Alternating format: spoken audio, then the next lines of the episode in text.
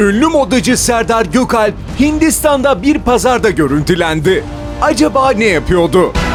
Serdar Bey, Hindistan'da ne arıyordunuz? Arkadaşlar Hint kumaşı almaya geldim. Yeni bir kıyafet üzerinde çalışıyorum. Şakalarımda olduğu gibi bunda da aynı titizlik olması için Hint kumaşı arıyorum. Ama hakikaten bulunmaz Hint kumaşıymış. Yani Hindistan'ı buldum, Hintliyi buldum, kumaşını bulamadım ya. Tick, tick, tick, tick, tick, tick. Ünlü aşçı Serdar Gökalp gizli tarifini yaparken yakalandı. Evet son olarak iki kaşık tuz ve... Heh tamamdır bitti tarif. Bu da esansını da attık olay bitti tamam afiyet olsun hepinize. Serdar Bey ne yapıyorsunuz? Ünlü tarifinizi bu şekilde mi hazırlıyorsunuz yoksa? Yok kardeşim montaj o montaj o görüntüler ben değilim. Kapat lan kamerayı kapat. Kapat o kamerayı ben değilim onlar kapat. Tick, tick, tick, tick, tick. Ünlü yoğurtçu Serdar Gökalp mandıra çıkışında yoğurtları paketlerken objektiflerimize yakalandı. Serdar Bey, 40 sene aşkın süredir bu mesleğin içindesiniz. Mesleğinizin sırrı aslında toptan alıp sattığınız yoğurtlarda mı gizliydi?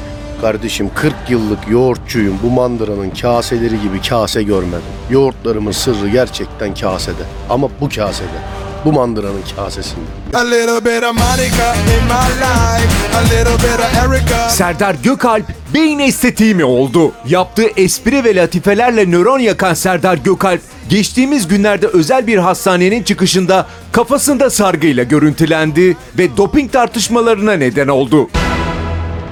Beyin bedavaya. Bedavaya taşıyorum. Niye hamallık yapayım? Dopinge karşıyım. Beynime masaj yaptırdım. Arka ve ön loblarım azmış. Haftada bir yaptırıyorum. Rahatlıyorum. Beyin bedava sonuçta. Yoksa saç mı ektirdiniz? Neden kafanızda sargı var? Ektirmek isteyen varsa benimkilerden vereyim. Birkaç tane veririm yani. Ne ekersen onu biçersin sonuçta.